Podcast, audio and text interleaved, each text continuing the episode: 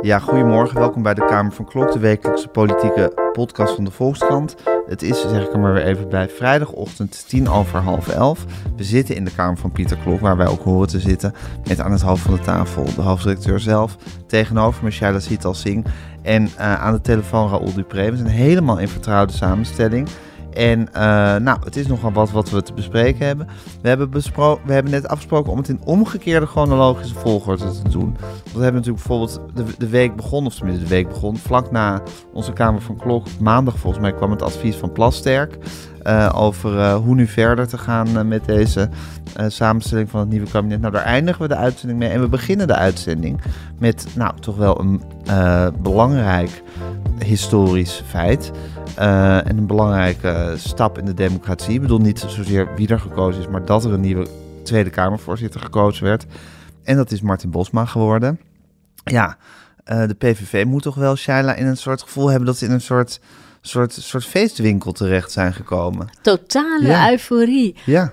Um, volledig uh, geaccepteerd binnen drie dagen. Ja, ze zijn ineens het establishment geworden. Een belangrijk symbool. Uh, iets wat Bosma al heel lang wilde. Hij heeft al twee keer eerder gesolliciteerd.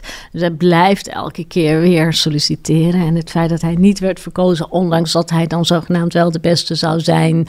Uh, technisch gesproken, volgens hemzelf en volgens anderen kennelijk ook. Um, jij van niet? Eh, ja, weet ik niet. Dat, dat, dat, is, dat, is, misschien een andere discussie. Maar um, het, het, was altijd voor de PVV ook, ook een manier om verongelijk te blijven. En te zeggen, kijk, zie je, ze moeten ons niet, ze moeten ons niet. En nu, en nu wel. Ja, dus we zijn ook wel de Rubicon over. Op de ene, dat, ja. dat gevoel heb ja, ik Ja, het is een nieuwe realiteit waarin zij en wij met z'n allen uh, leven. En je zegt heel nadrukkelijk, Shaila, dat is een andere discussie. Maar is dat een andere discussie?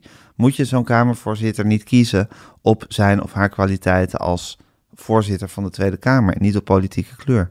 Ik denk dat je dat niet kan knippen, want dan ga je. Hè, zeg maar, het grote verwijt dat we de politiek hebben gemaakt in de afgelopen, wat is het, 10, 20, 30 jaar, is dat het technocratisch is geworden. Dat we mhm. alleen maar hebben gekeken naar een soort technocratie.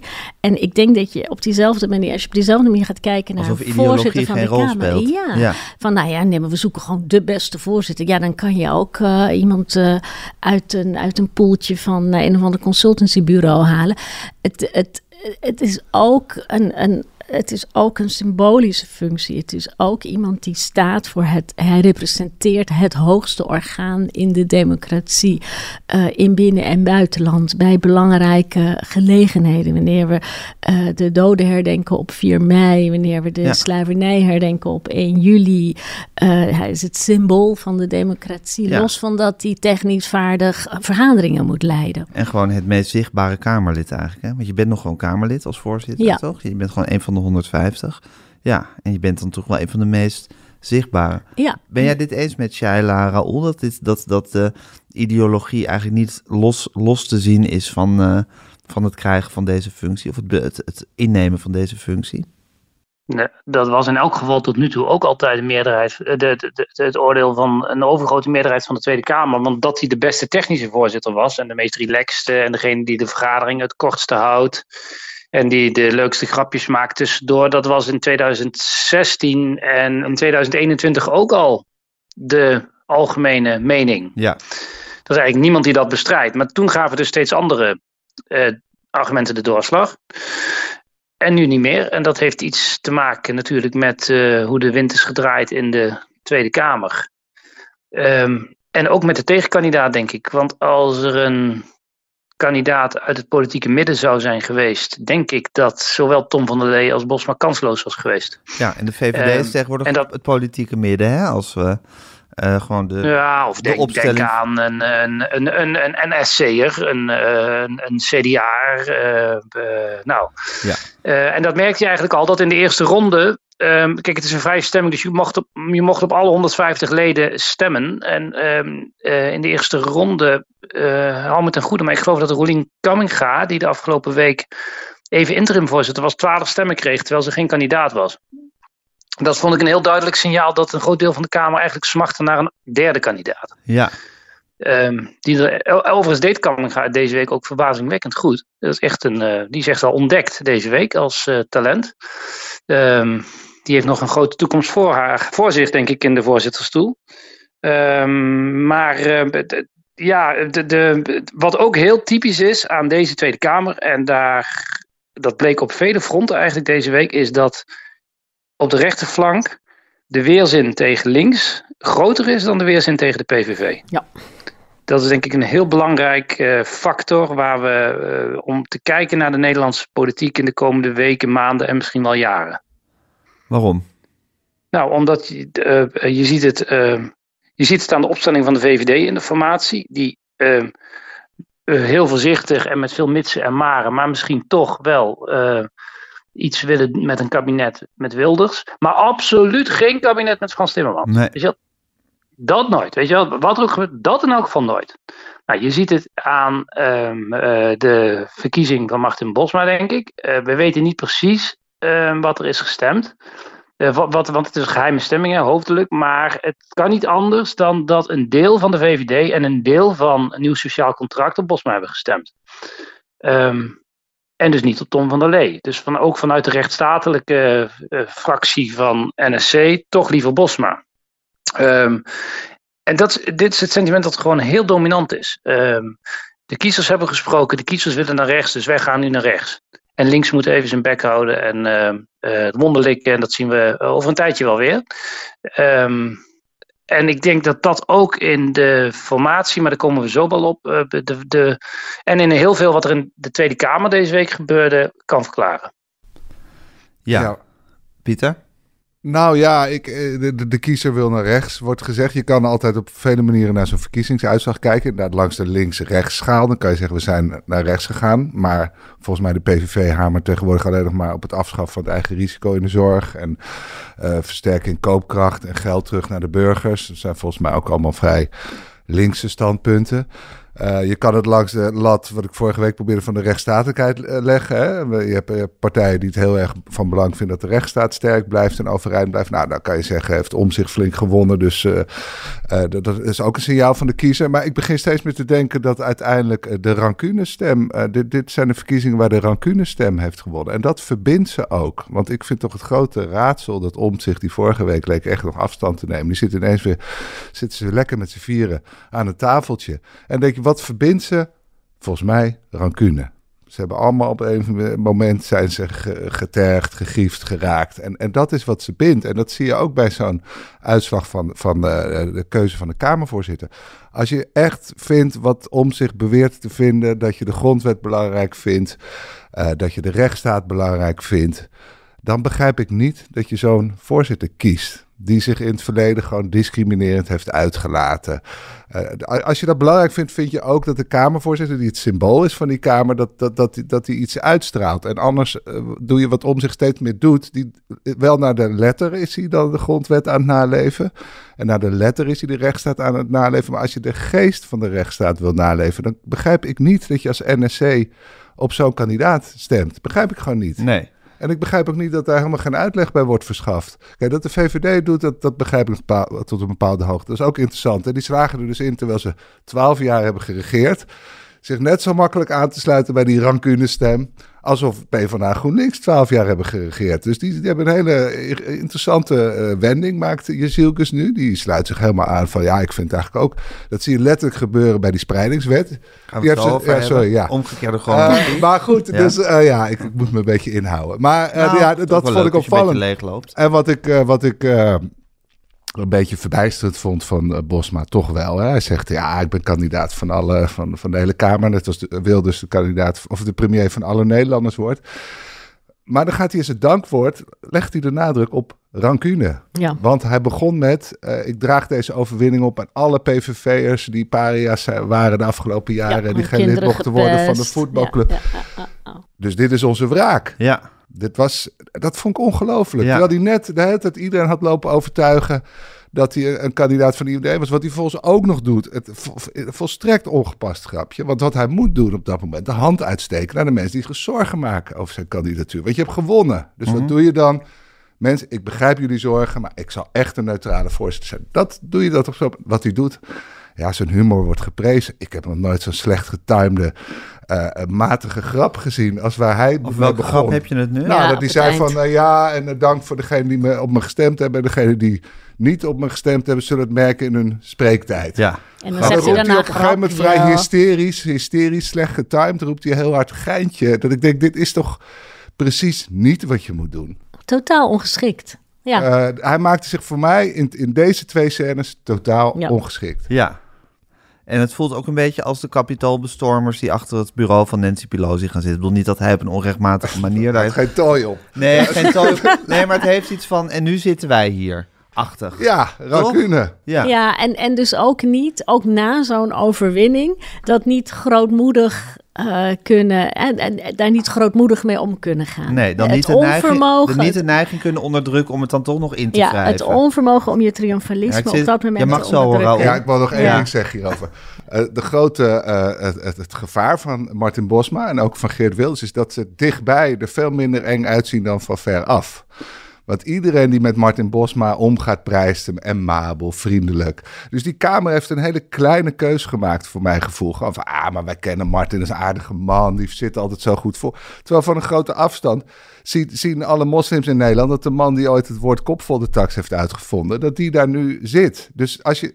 En ik vind het ook de plicht van de Kamer, het zijn, representanten van de bevolking, om met afstand hiernaar te kijken. En ook naar de symboolwaarde hiervan te kijken. En het lijkt alsof ze heel klein, met een kleine gezellige biotoop. Ja, die Martin, dat is toch niet zo'n kwaaipie. En dat geloof ik direct, dat het verder een aardige man is. Dat schrijft voor Geert Wilders ook zo te gelden. Maar dat ze niet zien wat de grote betekenis is van zo'n keus, dat, dat vind ik Ja. toch wel tegenvallen. En zeker van de NSC, die, die de mond vol hebben van, van een zuivere rechtsstaat. En eh, we moeten Oekraïne blijven steunen, want die vechten voor onze Europese waarden. Als je dat allemaal vindt, begrijp ik Ja, niet dat je misschien dat voelen niet ze het feit dat een kwart van de mensen op de PVV heeft gestemd als een soort oproep om de PVV een valide partij te gaan vinden. Waar je niet met hand in tand meer tegen Eh, dat is prima en ga vooral met ze praten over het kabinet. Maar dit is een Kamervoorzitter. Die, Hmm. die, die heeft een grote eh, symbolische... En dan moet je een principiëlere keuze Nou maken. ja, je moet niks. Ik begrijp het alleen niet van Nee, nee, NSC. nee. Je moet, iedereen moet zijn eigen keus maken. Maar ik begrijp niet dat een partij die continu hamert op rechtsstaat... Dat, ik begrijp het gewoon niet. Nee. Eh, los van mijn eigen opvatting hierover. Die doet er niet toe. Nou, maar ja, en er zit dus ook een heel erg sterk sentiment bij, eh, bij de PVV natuurlijk, maar ook bij de BBB en bij NSC van nu zijn wij. Ja. En ehm, ehm, d- nu weer een, ehm een PvdA GroenLinks zich op die stoel zetten. Bedoel, voor GroenLinks zou het ehm, een eerste keer zijn, maar de PvdA heeft natuurlijk al heel wat voorzitters gehad.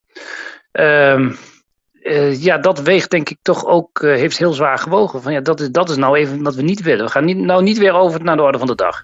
Ja. Ehm, Hey, Ja. En, en Raoul, eh, kijk, en dat- nou, nogmaals, ik denk als bij wijze van spreken de ChristenUnie een, een goede voorzitter naar voren had geschoven, dat die had gewonnen. ja. Maar Raoul, Waarom is als, dat niet? Kamminga, als Kamminga zich had gekandideerd, had ze ook gewonnen.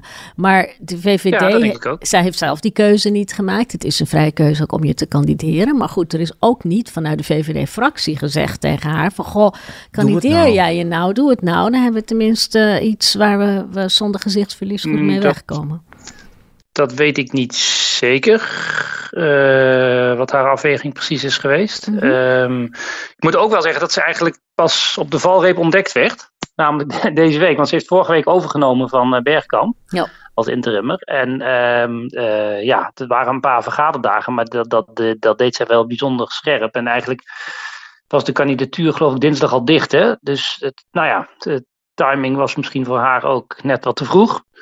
Ehm, het gaat meer om het idee dat, dat ik denk dat, nou ja, eh, eh, eh, de weerstand tegen links, tegen de gevestigde orde, tegen de elite, zoals dat dan heet, ehm, die in Nederland al heel lang heeft ehm, bestuurd en de instituties in handen heeft gehad, die is enorm. Kun je rancune noemen, zoals Pieter net noemt, maar ehm, eh, het is in elk geval weerstand. Ja. Maar het, het gekke is Ehm. dat die elite voor een groot deel en die bestuurlijke elite eh, voor een groot deel ook wordt uitgemaakt door VVD'ers. Maar die hebben zich succesvol bij die tegenstem weten aan te sluiten. Die hebben een soort. Ja, Een soort nou ja, in elk eh, geval verdeeld. Ja. ja, Bij, die, bij die voorzittersverkiezing verdeeld, want het is ook weer niet zo, ze hebben niet, ze hebben niet allemaal voor Bosma gestemd, want dan nee, had hij het, meer was een krap, het was een krappe meerderheid. Ja. Het was eigenlijk net Ja, aan ja, het Twee dus er stemrondes. Ja, Er, is daar, er is in die fracties verdeeld gestemd. Nou, en dat kan ook. Het is geheim, dus je hoeft aan niemands verantwoording af te leggen. Dus ehm, ja, het zal echt hebben gevarieerd. Um, en kan je het misschien ook bijna als een symbolische daad zien dat de VVD geen kandidaatsvoorzitter naar voren heeft geschoven? Dat zo is, laat, laat het maar aan de, hun. De VVD, de VVD zit in elk geval in de, in de, de groove van uh, wij zijn even niet aan de beurt. Ja. In alle opzichten. Dus misschien dat het daar ook wel bij past om dat even niet te doen dan. Dan gaan we even mokkend in de hoek staan. Zo parafraseer ik het dan maar eventjes, hè? Dat zijn mijn woorden. Ja. ja. Overigens zou dat sentiment ook nog wel tegen Kamming gaan zijn gaan werken als ze zich wel kandidaat had gesteld. Hoor. Dan zou het sentiment van daar heb je ze weer, denk ik, ook nog wel een rol zijn gespeeld in dat debat. En ze hebben de Eerste ehm, Kamer al. Precies. En uh, ja, waren jullie niet weggestemd, jongens? Ehm, even rustig aan. Ehm, maar ja, wat nou, uh, vroeg ik me af, eh, denken jullie, stel nou dat Bosma dit daadwerkelijk als een voorbeeldig voorzitter gaat doen. Wat is dan eigenlijk het effect? Nou ja, ja dat, dat zou fijn zijn. Uh, uh, alleen, nou ja, met de benoeming uh, legitimeer je ook alles wat hij tot nu, tot nu toe heeft gedaan. Dus, dus eh, als je dat voorzitterschap vrij klein beoordeelt, dat kan in zichzelf succesvol zijn. Maar dan nogmaals, het heeft ook een uitstralingseffect. Als je iemand die, die allemaal dit soort dingen heeft geroepen, die de hele boeken over heeft geschreven, over zijn angst dat eh, dat we over worden genomen door de hordes, uh, omvolking. Uh, ja, dat krijg je volgens mij niet zo makkelijk weg. Uh, dat je een bepaald geluid, wat we tot voor kort eigenlijk toch, uh, nou ja, abject is een groot woord, maar wat we toch wel eng vonden. ja, dat, dat is vrees ik door zo'n benoeming toch een beetje gelegitimeerd. Want al die boeken van Martin Bosman, dat zijn boeken van de Kamervoorzitter geworden. Ja, en die zijn gewoon nog verkrijgbaar. Ja, maar goed, dat zal nu toch bij elke PVV'er die gewoon, uh, uh, zal maar zeggen, op, op, uh, op, op met, met een technische blik een functie goed en naar behoren zal, zal uitvoeren. even los van de hele ideologie. Ja, maar dat is het gevaar. En ja, precies. Ja, maar dan, maar zo zal het toch steeds meer gewoon establishment worden. Ja, ja. maar kijk, zij zeggen wij gaan, wij gaan veranderen. Van was een kleine hapering. Ja, ja. Martin Bosma zegt ik word een ander mens vergeet alles wat ik heb gezegd, want ik heb nu een andere rol. Dus ik word gewoon een ander mens. Met andere opvatting. Ik hou van de rechtsstaat. Ik koester de rechtsstaat. Ik koester de scheiding der machten. Want dat hoort bij mijn nieuwe rol. Eh, nou ja, dat mogen we hopen. En ik hoop dat, dat uh, Raoul gelijk heeft dat het een heel kundig voorzitter wordt. Maar je kunt niet onbeperkt van rol veranderen. Je neemt ook iets mee. Je, je kan het niet zomaar wegdenken. Ja. En, en dat lijkt ze wel uit te staan. Dat is ook de reden dat hij wilde als premier ziet zitten. Dat is hetzelfde logica. Hey, maar hij is nu toch aardig en hij wil premier van alle Nederlanders. Waarom, wat zouden wij... Ja, omdat hij in het verleden nogal wat heeft gedaan. Ja, Frans Timmermans heeft hem met High Bruce vergeleken. Ja. Het Finding Nemo. Ah, ja. best wel, best maar, wel een... een uh... Goed gevonden, maar dat weet je natuurlijk niet. Ik kan me voorstellen dat wilde zich wel... Dat, dat hij zich... Ja, je moet nooit uitzetten dat hij zich netjes blijft gedragen. Dat kan. En dan is hij straks, noemen we hem ook een kundig premier... Maar dan vergeet je dat, dat we daarmee wel iets legitimeren waarvan je moet afvragen of je dat wil als samenleving. Ja. Raoul? Nou ja, ja, ik vind dit toch in alle opzichten precies hierom hoogst fascinerend. Uh, hoe dit verder gaat met de ontwikkeling van zowel Bart en Bosma als Geert Wilders. Die laatste nog net iets meer. Um, want deze week uh, deden ze het in dat opzicht natuurlijk wel weer voorbeeldig. Eigenlijk allebei. Uh, ja, ze hebben precies de juiste dingen gezegd om de de meerderheid uh, eerst voor Martin Bosma te laten stemmen en vervolgens aan tafel te krijgen bij Ronald Plasterk. Ja. Dat is toch, uh, we zijn, zitten nu ruim drie weken na de verkiezingen. Wanneer begon het? Een week of drie voor de verkiezingen. Uh, ze houden het nu in elk geval al zes weken vol. Ja. En ik bedoel, nogmaals, zei, ik bedoel, natuurlijk is er heel veel reden voor wantrouwen na bijna twintig jaar waarin het totaal anders was. Maar uh, ja, wat er precies nu in de PVV is gevaren, is toch eigenlijk ook gewoon heel fascinerend. Je kunt er alleen maar heel zorgelijk naar kijken, maar je kunt ook zien wat is er met onze grootste populistische partij in de hand. En is er, is er echt iets aan het veranderen. Nou ja, maar tegelijkertijd, maar uh, Raoul, die, die, die, die zogenaamd verzoenende toon van Geert Wilders. Nu gaan we uh, misschien uh, van de omgekeerde volgorde nou, naar het debat van woensdag. Laten we het gewoon een beetje gaan. het is zo gezellig. Ga maar, Shaila. Sorry. Ja. Um, Um, ik, ik, ik vond dat helemaal niet zo'n verzoenende toon, want er werd hem herhaaldelijk gevraagd om te reflecteren op uh, wat er dan allemaal was voorgevallen in het verleden. En dat was gewoon de oude Geert Wilders. Die zei: Nee, dat ga ik niet doen. Ik pieker er niet over. En hij zei nog net niet: U kunt de boom in. Maar hij zei het wel op exact diezelfde dat toon. Dat zegt hij niet meer. Dat nee, dat zegt hij niet meer. Maar hij zei het wel, nou, wel, met, wel op exact dezelfde toon. Van hij ja. op geen enkele wijze van plan was om terug te kijken naar wat er dan allemaal was voorgevallen in het verleden, daar iets over te zeggen, daarover te reflecteren, daar een soort nieuw inzicht over te hebben. Dus het is helemaal geen nieuwe Geert Wilders. Dus ook als je, dus ik, ik zat ernaar te kijken, ik dacht van nou, je zal maar NSC zijn en hier naar luisteren. Dus iemand met geen enkel vermogen tot, tot, tot zelfreflectie. Hoezo een mildere versie? Hij maakt het NSC heel erg moeilijk, dacht ik woensdag toen ik naar zat te luisteren. Nee, hij maakt het de mensen helemaal niet makkelijker om hem te accepteren. Wat is het enige, nee, het enige is dat hij dus zegt dat hij het vanaf nu niet meer zal doen. Ja, dat is ook een beetje, dat is een kleuter. En ja, dat Nou ja, ik, zat, ik zat hier nog wat ik... Ik zat hier net nog even mijn aantekeningen om de, over dat, uh, dat debat van uh, woensdag. Ja, dat ging maar door. Dat was één grote. Stel, stel, we gaan onderhandelen over de rechtsstaat. Die op een gegeven moment, hij nam iedereen even mee naar de tafel van Plasterk. Nou, misschien zijn er dan uh, PVV-voorstellen die aanpassing behoeven.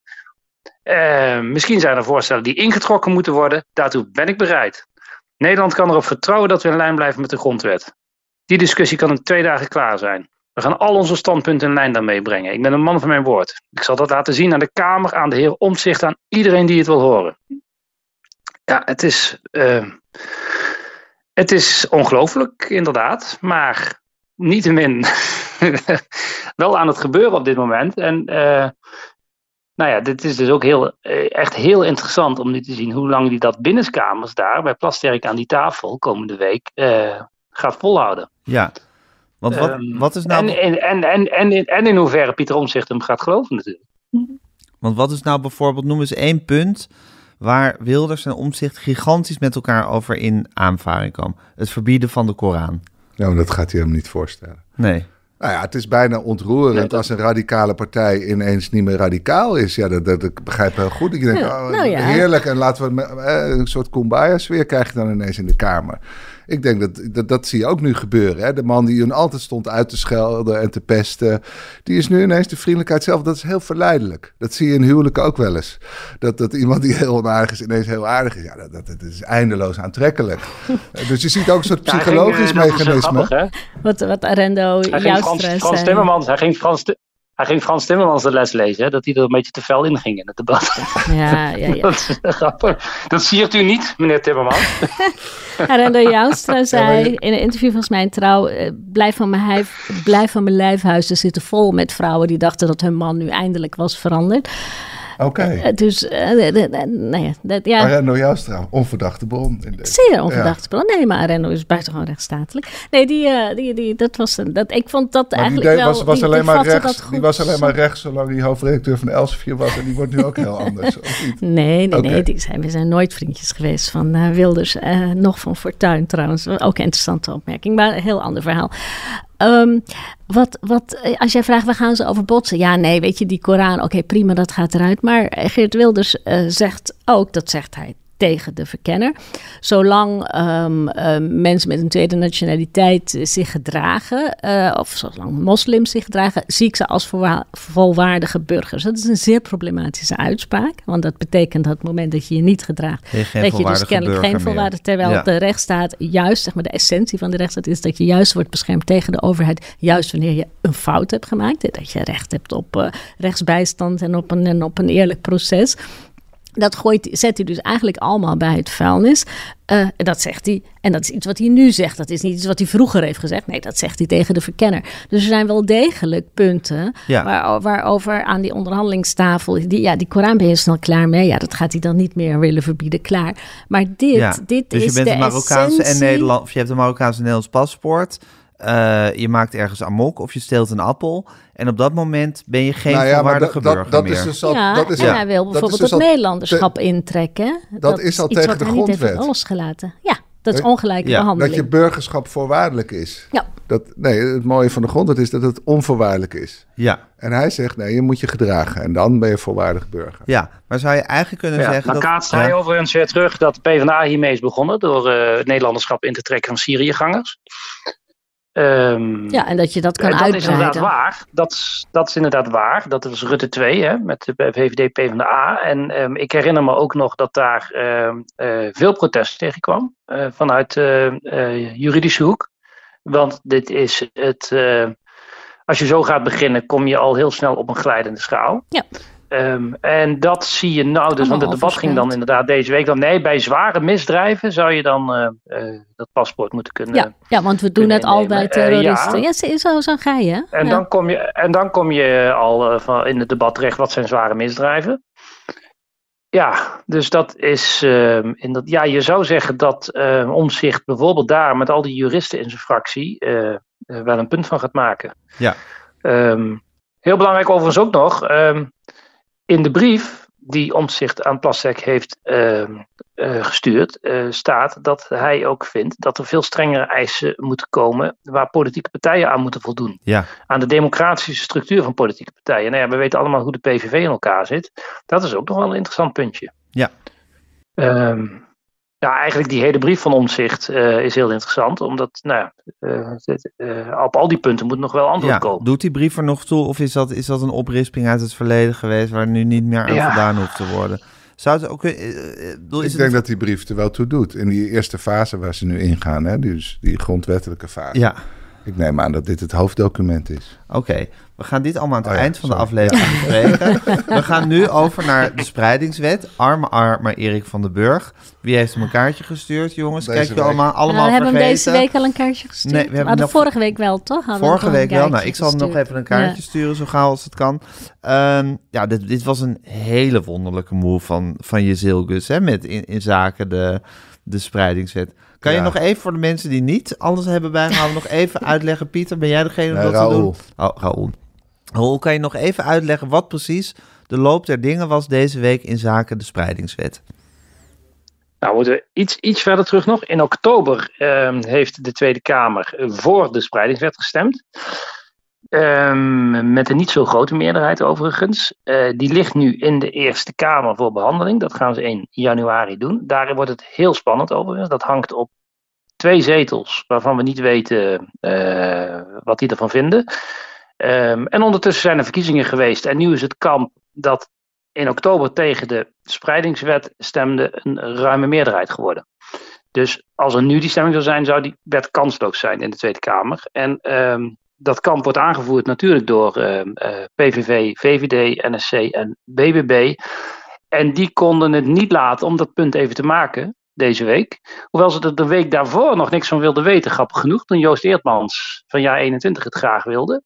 Ehm, kwam Jezelkus dus nu met haar motie om ehm, de behandeling in de Eerste Kamer op te schorten tot het aantreden van een nieuw kabinet. Ja, want de spreidingswet, Nou ja, ik zeg er nog eh, maar even voor de zekerheid bij, gaat dus over dat, dat, dat, dat, dat de overheid of het Rijk gemeentes kan dwingen om asielzoekers op te Ja. nemen, waardoor de druk op Ter Apel verlicht wordt Budel. en, en Budel.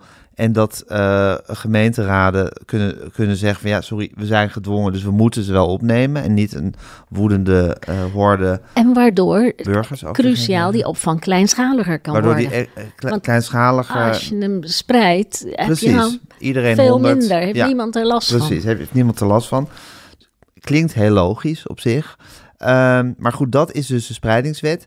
En is er, bestaat er toch een soort ressentiment bij de VVD dat, dat, het ze, dat het ze door de strot is geduwd, ondanks dat het hun eigen wet of ehm, staatssecretaris is geweest die dat heeft eh Nou ja, ze of- liet het kabinet vallen omdat er niet eh, voldoende flankerend beleid was om het aantal asielzoekers naar beneden Ja. te brengen.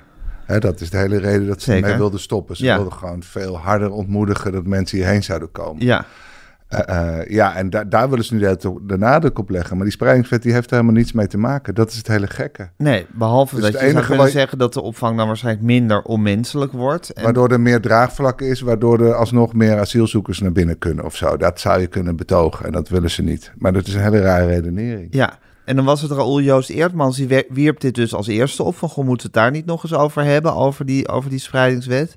En toen was het nee, geen denken aan.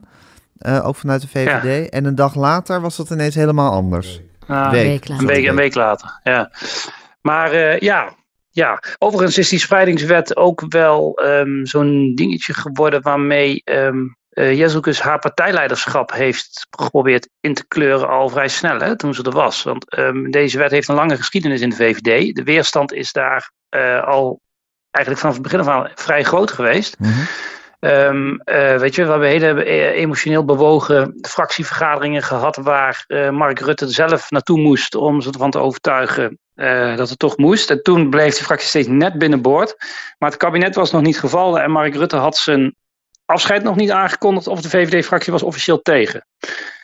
En um, ja, dat, dat heeft dus, omdat Erik van den Burg zich bleef opstellen zoals hij zich opstelt, namelijk dat die wet wel nodig is om het praktische probleem op te lossen, um, uh, kwam hij dus tegenover zijn eigen fractie te staan. Um, en, de, en kwam de VVD alleen te staan in het kabinet. Um, en ja, en dat, dan, dan zie je hem. Dat zie je overigens wel vaker in zo'n niemandsland tussen verkiezingen en het aantreden van een nieuw kabinet. Dat partijen dan met ene been in het oude en één been in het nieuwe kabinet staan. En dat is wel wat je bij de VVD deze week zag. En ze gaven nu even de voorkeur aan het nieuwe kabinet. Ja. Uh, ja, toch om even, denk ik, ook gewoon dat signaal af te geven van... Uh, uh, jongens, wij zijn er. En we hebben overigens ook een meerderheid georganiseerd inmiddels tegen de spreidingswet. Ja. Dus hier is hij. Wat, wat niet helemaal duidelijk is, of Jezus had voorzien wat een enorm verzet dat zou oproepen bij de lagere bestuurslagen, inclusief een heleboel VVD'ers. Dus de burgemeesters, de wethouders, de uh, provinciebesturen, uh, die echt bijna collectief uh, gisteren protesteerden tegen de gang van zaken. Want die mensen zijn allemaal hun best aan het doen om hun gemeenteraden en hun bevolking ervan te overtuigen dat ze toch een bijdrage moeten leveren. Ja, en als dit dan het hoofdverhaal is wat vanuit de Tweede Kamer uh, door het land wordt verspreid, is dat natuurlijk gewoon heel ingewikkeld voor die mensen. Ja, en de motie die werd ingediend hield in dat de, Eerste Kamer niet te veel vaart moest maken met ja, het behandelen dat ze moesten staken. Ja. Dat, ja. Het was een oproep ja. aan de Eerste Kamer nou, wat vanuit toch, wat de toch tweede. ook een heel wonderlijke figuur is. Het was bui een, een buitengewoon Ongepast. wonderlijke figuur. En, en, en dan ook nog um, tegen je eigen kabinet. Uh, uh, uh, Ru Rutte, um, Rutte wist er laat van, hè, Raoul? Ja, dat, is, dat wilde ook wel het verhaal. Ja. ja. ja. En hij reageerde ook heel afgemeten. Al binnen enkele uren nadat het gebeurde kwam er een heel kort briefje vanuit het torentje. Het kabinet staat onverkort achter de spreidingswet. En uh, wij zien geen enkele reden om, uh, om, om, om aan te dringen op, uh, op uitstel. Ja, het kabinet waar je heel dus ook zelf in zit. Ja, en, en verder gaat de Eerste Kamer over zijn eigen agenda. En de Eerste Kamer gaat over zijn eigen agenda, ja. Ja, ja, uh, ja. ik denk ook dat het een beetje een, een, een uh, was van de VVD. Uh, want uh, ja, kijk, het is wel waar, dat zei Pieter Omzicht ook. Van, er wordt zo vaak wordt de Eerste Kamer gevraagd om iets of juist extra snel of juist even wat langzamer te behandelen. Maar dat gebeurt dan gewoon meestal informeel via de Kamerfracties van partijen die onderling met elkaar communiceren. De VVD had dat, of de, de, de, de, dat, normaal gesproken zou je dat dus via de VVD-fractie in de Eerste Kamer of zo hebben kunnen doen. Maar ja, die zijn sowieso tegen, neem ik aan. Um, net als hun fractie. Dus die hebben geen, uh, op die behandeling in de Eerste Kamer, want daar had de Eerste Kamer namelijk eerder ook al over vergaderd, dat het toch gewoon door moest gaan, had de VVD-fractie in de Eerste Kamer op dat moment geen invloed meer. Nee. Want die beslissing was al genomen. Maar worden wel eens dus, moties ja, in de Tweede Kamer ingediend waar de Eerste Kamer tot van alles nee, wordt opgeroepen? Dat is wel, dat nee, is wel heel onge, dat is wel, dat is wel heel ongebruikelijk. En de Tweede Kamer is altijd heel erg boos als de Eerste Kamer voor het Tweede Kamertje speelt. Um, met, met moties waarin oproepen worden gedaan over actuele politiek en zo. Dan is de reactie van de Tweede Kamer altijd: bemoei je er niet mee? Ja. Uh, dus ja, dan zou je het andersom op niet moeten willen. Overigens moet ik er wel bij zeggen dat het signaal natuurlijk gewoon is vanuit deze coalitie in wording. Wij willen dat ding niet. Wij willen gemeenten niet dwingen om uh, asielzoekers op te nemen. En dus denk ik dat zelfs als de Eerste Kamer in januari die wet goedkeurt, um, Nou, dan is het even de vraag of er al een nieuw kabinet is of niet in februari. Um, maar zodra dat nieuwe kabinet er is, gaan die dus geen dwang toepassen bij het verspreiden van asielzoekers. Ik bedoel, ja. Dat, ja, dat signaal is nu wel gegeven. Dus ik bedoel, we kunnen um, straks een spreidingswet hebben, maar dat, die zal verder niet zoveel effect hebben. Een wet die niemand wil. Ja, en die niet uitgevoerd zal worden. En die niet uitgevoerd zal worden. En als ik het mag zeggen, uh, eigenlijk de twee belangrijke daden van Jezilgus na de verkiezingen. Namelijk uh, bekendmaken dat ze, niet, dat, ze, dat ze een kabinet wel wil steunen, maar dat ze er niet in wil gaan zitten als VVD. En dit, deze hele motie over die spreektijd. Ja, het komt nogal onbehouden op mij over. Als ik het zo mag zeggen. Nou ja, en het zijn ook wel allemaal uh, plannen die niet het beoogde resultaat hebben. Nee, dus, het heeft een beetje met vuur spelen. Die, en, die en campagne hebben ze een fout gemaakt. Hè? Hebben ze eigenlijk uit hun handen laten vallen. Want het ging, dat ging best prima. Maar hebben ze uit hun handen laten vallen door de deur open te zetten voor de PVV. Waardoor ze rechts zijn ingehaald. Dat was niet de bedoeling. Uh, daarna die gedoogpositie. Het blijkt dat hun kiezers dat helemaal niet snappen. Uh, ze hebben nog uh, advertenties mm -hmm. gekocht. Daar hebben de kranten goed van gegeten. Pagina grote advertenties. Om, te, om te ja. vertellen wat eigenlijk de bedoeling ook alweer was hiervan. Je ziet, uh, er komen weer nieuwe peilingen. Je ziet de VVD echt kelderen in die peilingen. Hun achterban begrijpt er kennelijk helemaal niets van of hun kiezers. Dus dat, is, dat is ook geen, was ook een beetje een onheldere boodschap. En je ziet er nu met die, met die motie binnen een paar uur teruggefloten door haar uh, voormalige partijleider, of hoe zeg je dat, door de premier. Uh, daarna hebben ze een hele afgezwakte versie van die motie moeten invoeren, die verder helemaal geen tanden had. Dus het is ook, um, ze, ze, stapelt wel fout op fout op fout. Ja. Ze gaat het uh, heel moeilijk krijgen. Ja. Een onhandige politiek bedrijf. Hè, nou ja, ze zit straks in, ze een, wordt gek ze zit straks in een omgeving die heel... En waarom zou ze het niet zelf doen? Mm omdat ze de hele tijd geadviseerd wordt. Dat zie je aan alles, aan hoe ze praat. Ze heeft er vaste spreeklijnen, ze heeft dingen op briefjes. Ze, ze wordt uh, okay. gevoed. Ja. Je, vindt dat ze nogal, je vindt dat ze nogal marionetachtig overkomt? Enorm, ja. Hmm. Nou ja, ze zit strak. Kijk, het is nog steeds. Uh, uh, ze hoort nog steeds bij de, de, belangrijkste bestuurderspartij van de afgelopen uh, 13 jaar. Maar ze sluit zich helemaal aan bij de. ja, ik noem het toch maar even. De, de rancune. Nou ja, de rancune of de tegenbeweging. Wat heel raar is. Want dan komt ze lijnrecht tegenover Rutte te staan in toenemende mate. was ook in die andere discussie hè, over geld voor Oekraïne. Was geloof ik ook een motie aangenomen dat ze dat geen goed idee vond. Toen zei Rutte voor het eerst. Je kunt die motie aannemen, maar dan kun je ook meteen op zoek naar een andere demissionair premier. Ja, ja. Dan, volgens Raoul schijnt hij dat vaker te doen. Ook toen hij vorige keer demissionair was. Maar ik vond dat wel vrij krachtig. Kijk, Rutte wil natuurlijk de internationale reputatie van Nederland goed. Dat is ook een van de dingen die hij bij het laatste kabinet ook echt goed heeft gedaan. Hè. In Oekraïne hebben we vaak geprezen. En hij is aan het solliciteren, hè? Ja, oké, okay, goed. Hij heeft ook zijn persoonlijke belangen, maar hij... Nou, misschien is, wordt hij, hij is een idealist. Daar hebben oud-premiers ook wel vaker last van. Ja. Pro-Palestina en zo, ja. ja. Maar we vonden hem internationaal, tenminste ik, heeft hij het gewoon goed gedaan en doet hij het nog steeds heel erg goed. Dus die, die komt steeds meer tegenover je zielgus te staan. Want in dat, in dat uh, programma van het nieuwe kabinet komen natuurlijk allemaal ferme anti-EU-standpunten. Hij wil ook een opt-out. Dat is ook zo'n nieuw woord. Uh, Nederland wil een opt-out op het vluchtelingenbeleid. Ja, dat ze hun eigen beleid mogen voeren. Ja, ja nou ja, dat is, dat, dat is niet nou, heel realistisch. dat is niet heel realistisch dat Nederland dan als enige opt-out, want dan wil Duitsland, dan wil iedereen een opt-out. Dan heb je ja. op het laatste gewoon een, heel hard, heb je gewoon een heel hard vluchtelingenbeleid. Ja. En dat is, uh, dus het is ook een hele rare slogan. Ja, waar ik een beetje bang voor ben, als we het heel erg gaan zoeken in dit soort voorstellen, die niet realistisch zijn of helemaal niet helpen. Want die spreidingswet, die, als je daar niet mee akkoord gaat, dat helpt echt niet om de, de instroom van nieuwe asielzoekers naar beneden te krijgen. Dus ze gaan dan allemaal inzetten op dit soort symbooldingen. En dan kunnen ze straks wel heel teleurgesteld zijn van ja, wij wilden wel die op-out, maar dat uh, stomme Europa. Dus dat ze uiteindelijk weer dat, dat ze geen problemen oplossen, maar dat ze vooral anderen de schuld kunnen geven dat, ze, dat zij er niet in slagen om die problemen op te lossen. En dan, ja, dat, en herrie schoppen. Dan wordt het nog uh, vervelender in dit land. Ja. Ik vind het zo wonderlijk dat ook nieuw sociaal contract hier zo uh, het first in is meegegaan. Ja. Eerst in die rare motie, wat, wat me toch ook echt niet des Pieters omzicht lijkt, maar ook überhaupt dat verzet tegen die spreidingswet. Het is, en net wat Pieter zegt, het is puur symbolisch. Want uh, die spreidingswet gaat er alleen maar om dat je mensen die er al zijn. Um, een beetje handiger verdeeld. Ja, ja maar ook een beetje handiger, zodat minder ja. mensen er last van hebben. Dat ze met z'n velen op een kluitje zitten. Dus het is, het is eigenlijk gewoon een praktische oplossing voor een probleem wat een aantal gemeentes nu aan het opdwijlen zijn voor heel Nederland. Ja. En het heeft niets te maken met aanzuigende werking of, of, of meer instroom. Dat, dat, dat, dat is een heel ander traject. Dus ik begrijp ook Dat is niet een zorgelijke manier dat van politiek bedrijven. NSC die de problemen wil oplossen, zeg maar die de uitvoering wil verbeteren. Dit is nou een wet die de uitvoering verbetert. Ja. En ja, er zit een principieel punt in dat je een deel van de autonomie van gemeenten inperkt, omdat je ze, omdat je ze kan overrulen.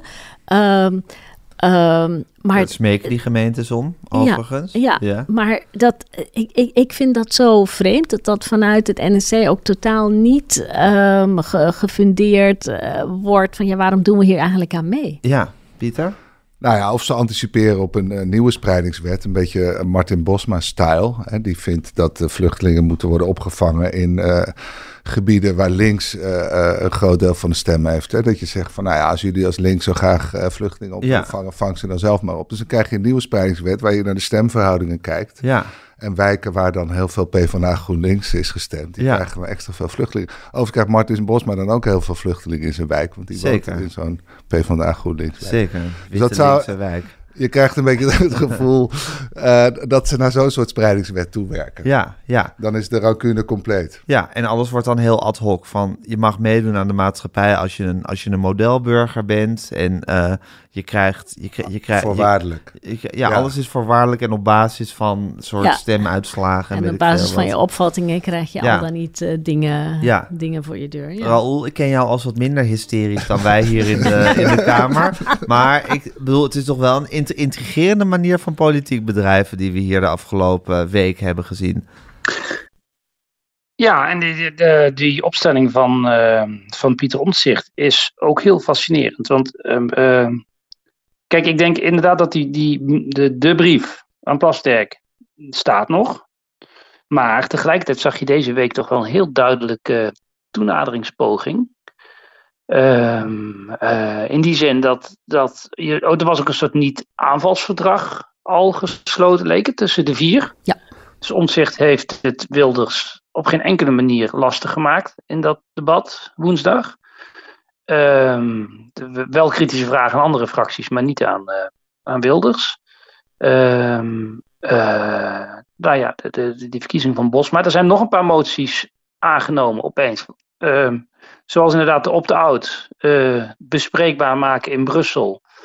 Wat ook heel vlotjes opeens ging. Er komt een corona-enquête. Moeten we het op een ander moment nog maar een keer over hebben. Daar gaan we nog heel veel plezier aan beleven. Maar eh, Hugo de Jonge zal eh verhoord gaan worden.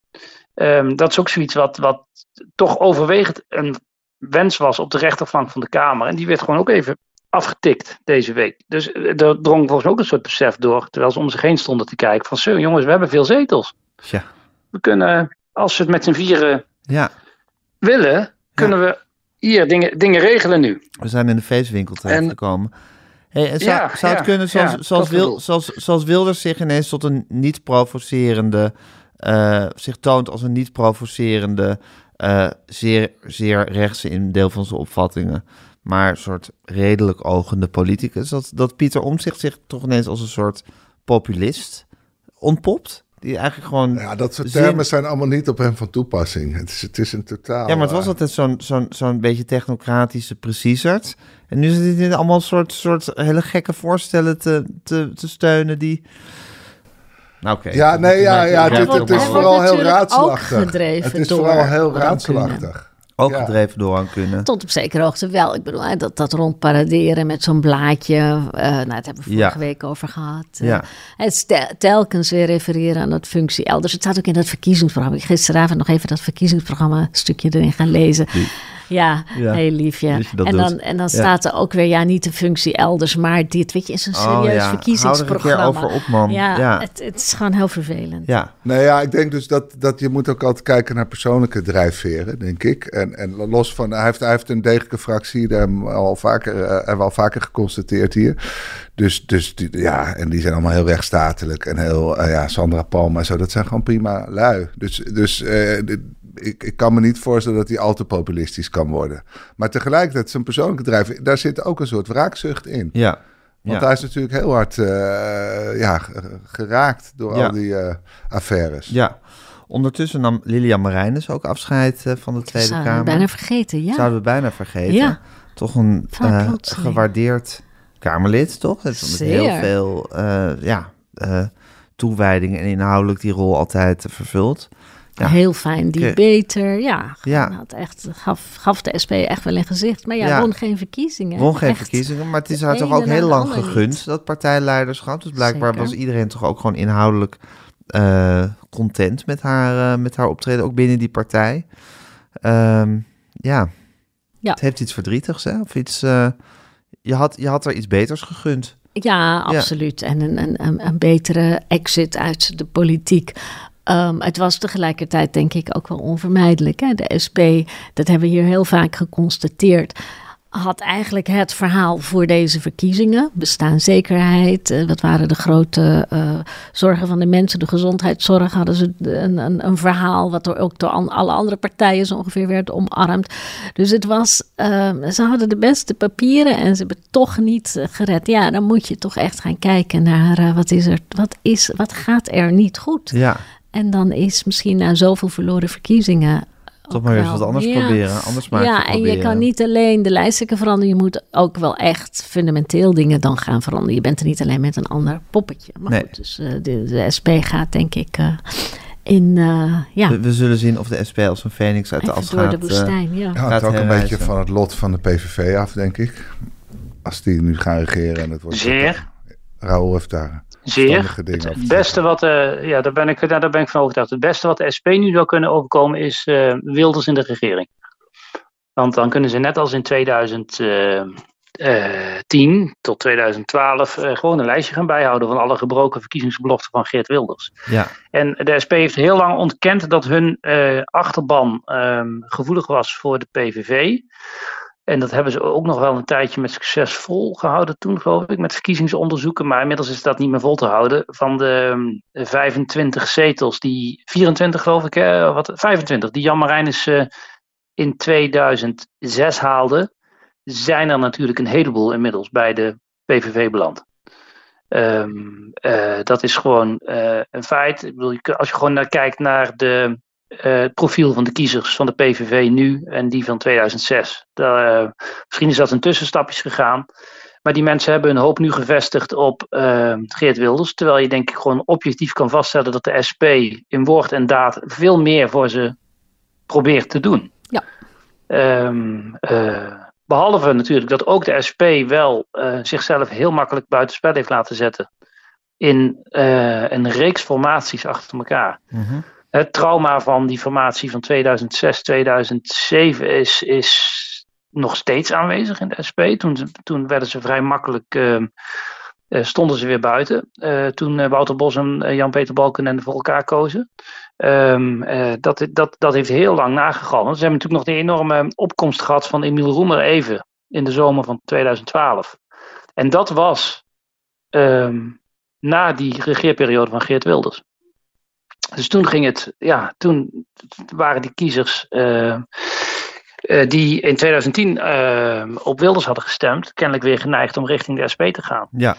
Ik denk dat ehm, eh, ja, een, een zo rechts mogelijk kabinet ehm, gunstig is voor de SP. is, voor, eh, is voor de SP Nou. denk ik eh, een- enorm Dan kan een nieuwe ja. fractievoorzitter met veel eh, vertrouwen de toekomst tegemoet zien, zou ik zo zeggen. Hé hey jongens, wat betreft die... Daarom vroeg ik me eerlijk gezegd ook af van, is dit het moment om je partijleider te wisselen? Want eh, dat, maakt, dat, hangt- dat, hangt dus, dat perspectief hangt niet van de partijleider af. Nee, ik denk dat het Dit zou juist voor misschien het moment van veel oogsten- beter. dit had het moment van Ja, oogsten kunnen zeker. zijn voor haar na moeilijke jaren. Ja. Ja. Nou, dat zou dan Ja. sneu zijn. Maar goed, we zullen dat ook nooit weten, want eh, ze gaan het nu met een andere partijleider proberen. Hé, hey, ondertussen jongens, die Ronald Plasterk, dat is wel echt een trouvaille geweest. Ze mogen Gom van Strien of NRC Handelsblad, die dat bericht naar buiten bracht over zijn, eh, de ver- ver- verdenkingen die er op hem rusten, mogen ze wel dankbaar zijn.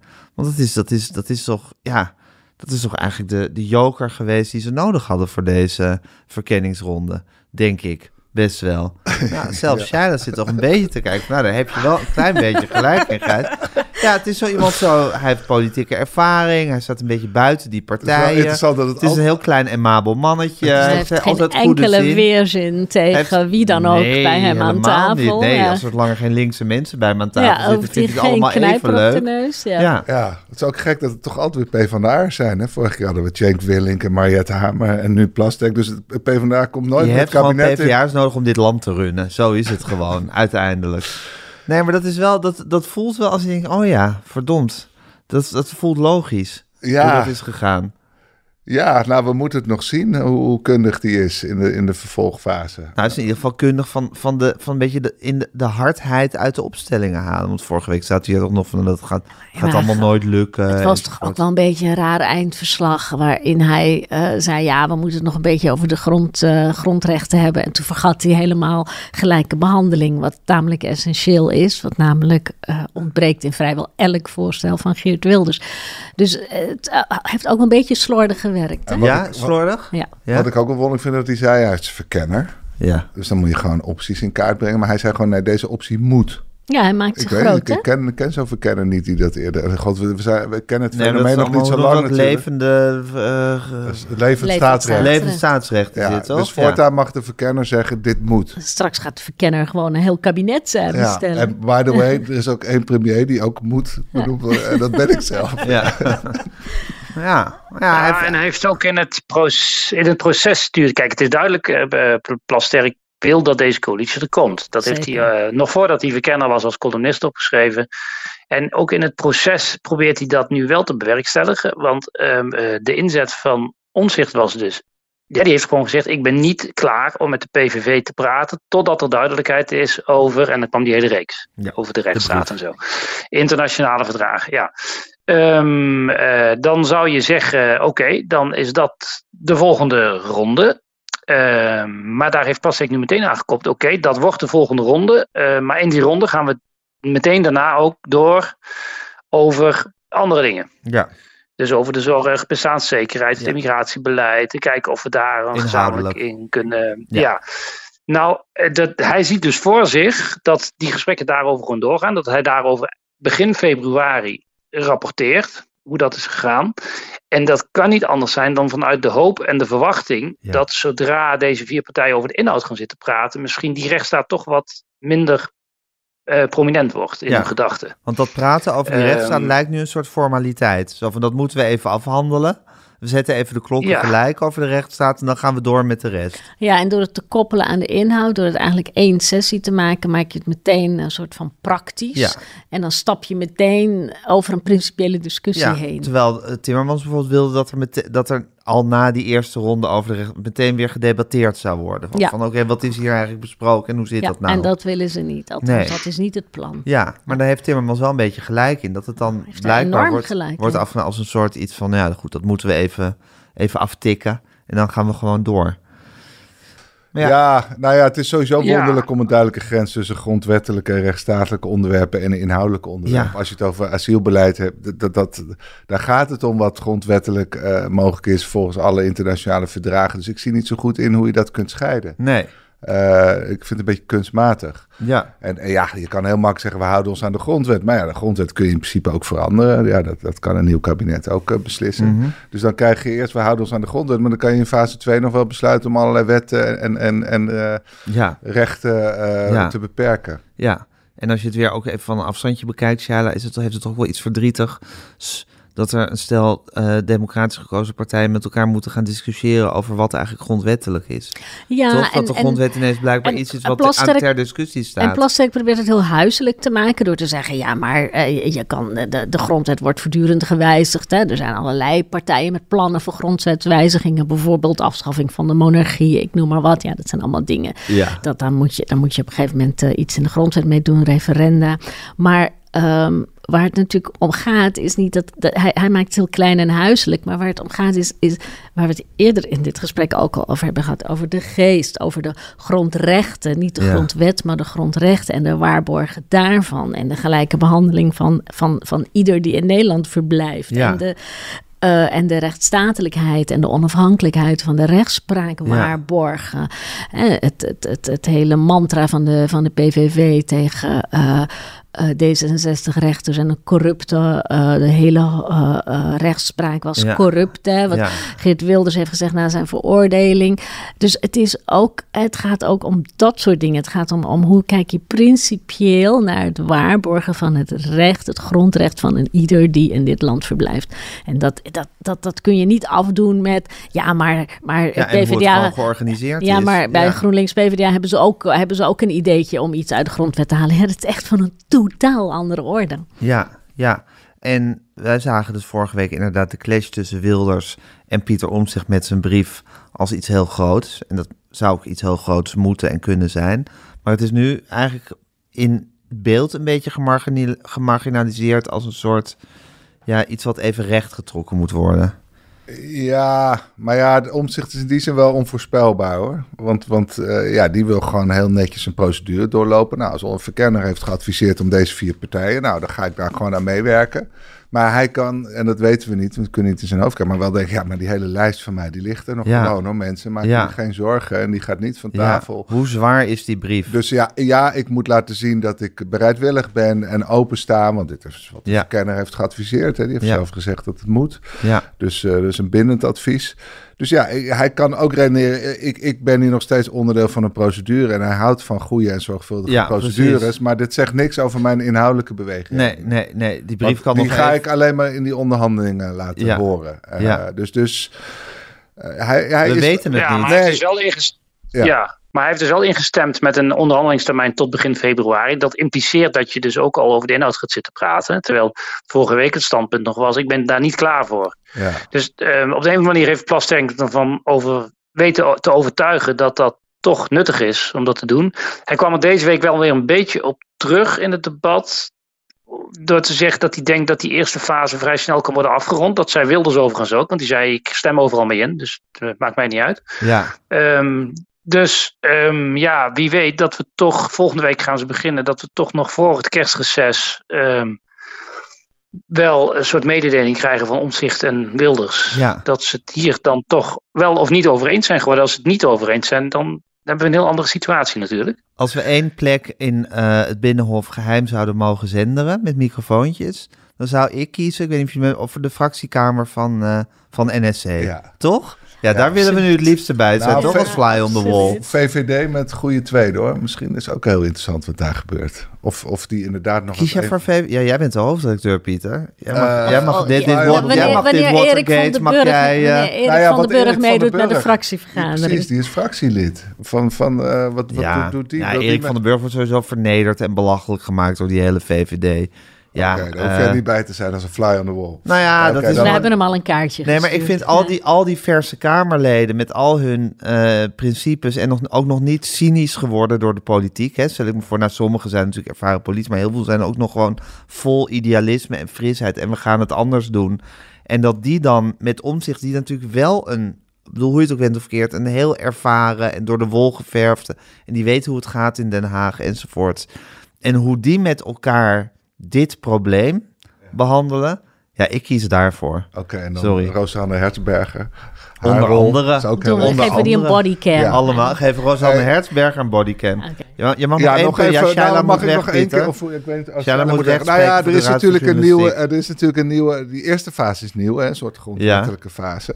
Maar er komt ook volgens mij een, een derde fase bij. Namelijk uh, dat, dat ze het over de vorm van het kabinet gaan hebben. Dus eerst zijn ze het eens over de inhoud. En ja, vroeger ging je dan op een gegeven moment elke partij ging ministers verdelen en elke partij moest ministers ja. Maar nu komt er nog een fase. Dat, maar wat voor kabinet gaan we eigenlijk doen? Een zakenkabinet, een buitenparlementair kabinet. Dus dat is ook een heel nieuw onderwerp. En dat wil Omtzigt natuurlijk graag. Want die wil niet een traditioneel kabinet. Die wil iets heel nieuws bedenken. Dus dat wordt ook nog heel spannend. Ja, dus... En daarmee houdt hij de handen ook een beetje schoon misschien. Ja, en dan kan je zeggen, nou, PVV-ministers, dat begrijpt iedereen, dat moesten we maar niet doen. Ja. Of twee misschien. Ja. Of een paar uh, FOP-departementen. Ja, we doen wel recht aan Wilders, maar niet te. ja.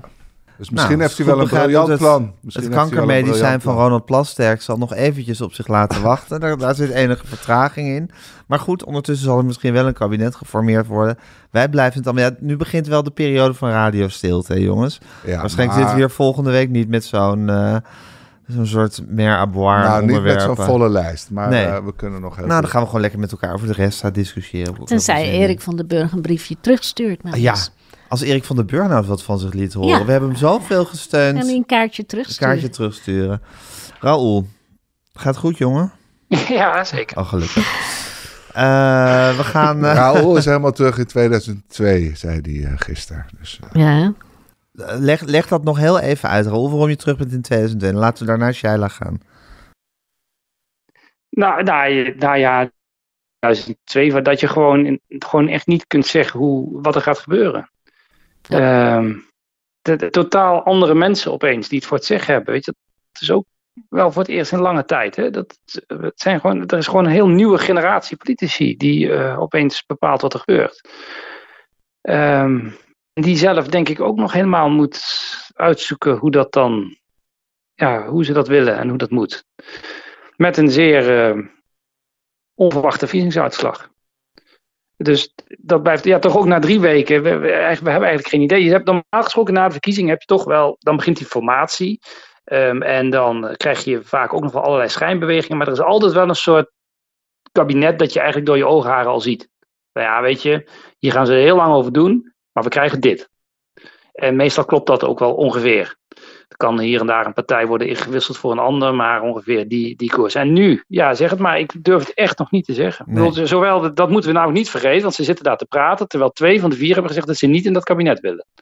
Dus eh de, de, en Omtzigt ge- wil geen ministers leveren aan dat kabinet. Ja. Ja, dat is een unieke situatie, dat hebben we nog nooit meegemaakt. Nee.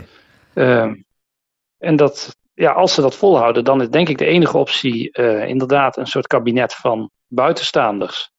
Op basis van een dun regeerakkoord. Maar dan vraag ik me meteen al af, zoek eens 15 buitenstaanders. Die in staat zijn om een departement te leiden en die zin hebben om zich in deze politieke omstandigheden hun baan op te geven. Voor een zeer wankel politieke avontuur. Ja. Ik bedoel, we weten nog wel ongeveer hoe dat met de lijst Pim Fortuyn is afgelopen, toch toen? ja. Ja. Dat begon nog heel voortvarend. ja. Ja, en dan sta je na Ja, een half Pieter- jaar weer op straat. Pieter, als ze jou dat staatssecretariaat voor belastingzaken Direct, aanbieden. tuurlijk. Nee, doe het niet. Ik adviseer je om nog even. één keertje te passeren en dan bij het volgende. mijn ijdelheid is, is onbegrensd. Dus ik, Nou, oké, daar gaan we hier nog wel eens eventjes rustig over eh, onderhouden. Oké, jongens, Shaila moet weg. Die gaat rechtspreken namens de Raad voor Journalistiek. Eh, wij gaan ook weer onze dingen doen. Tot volgende week. Luisteraars, ook tot volgende week. Bedankt voor het luisteren en eh, hou het in de gaten. Doeg!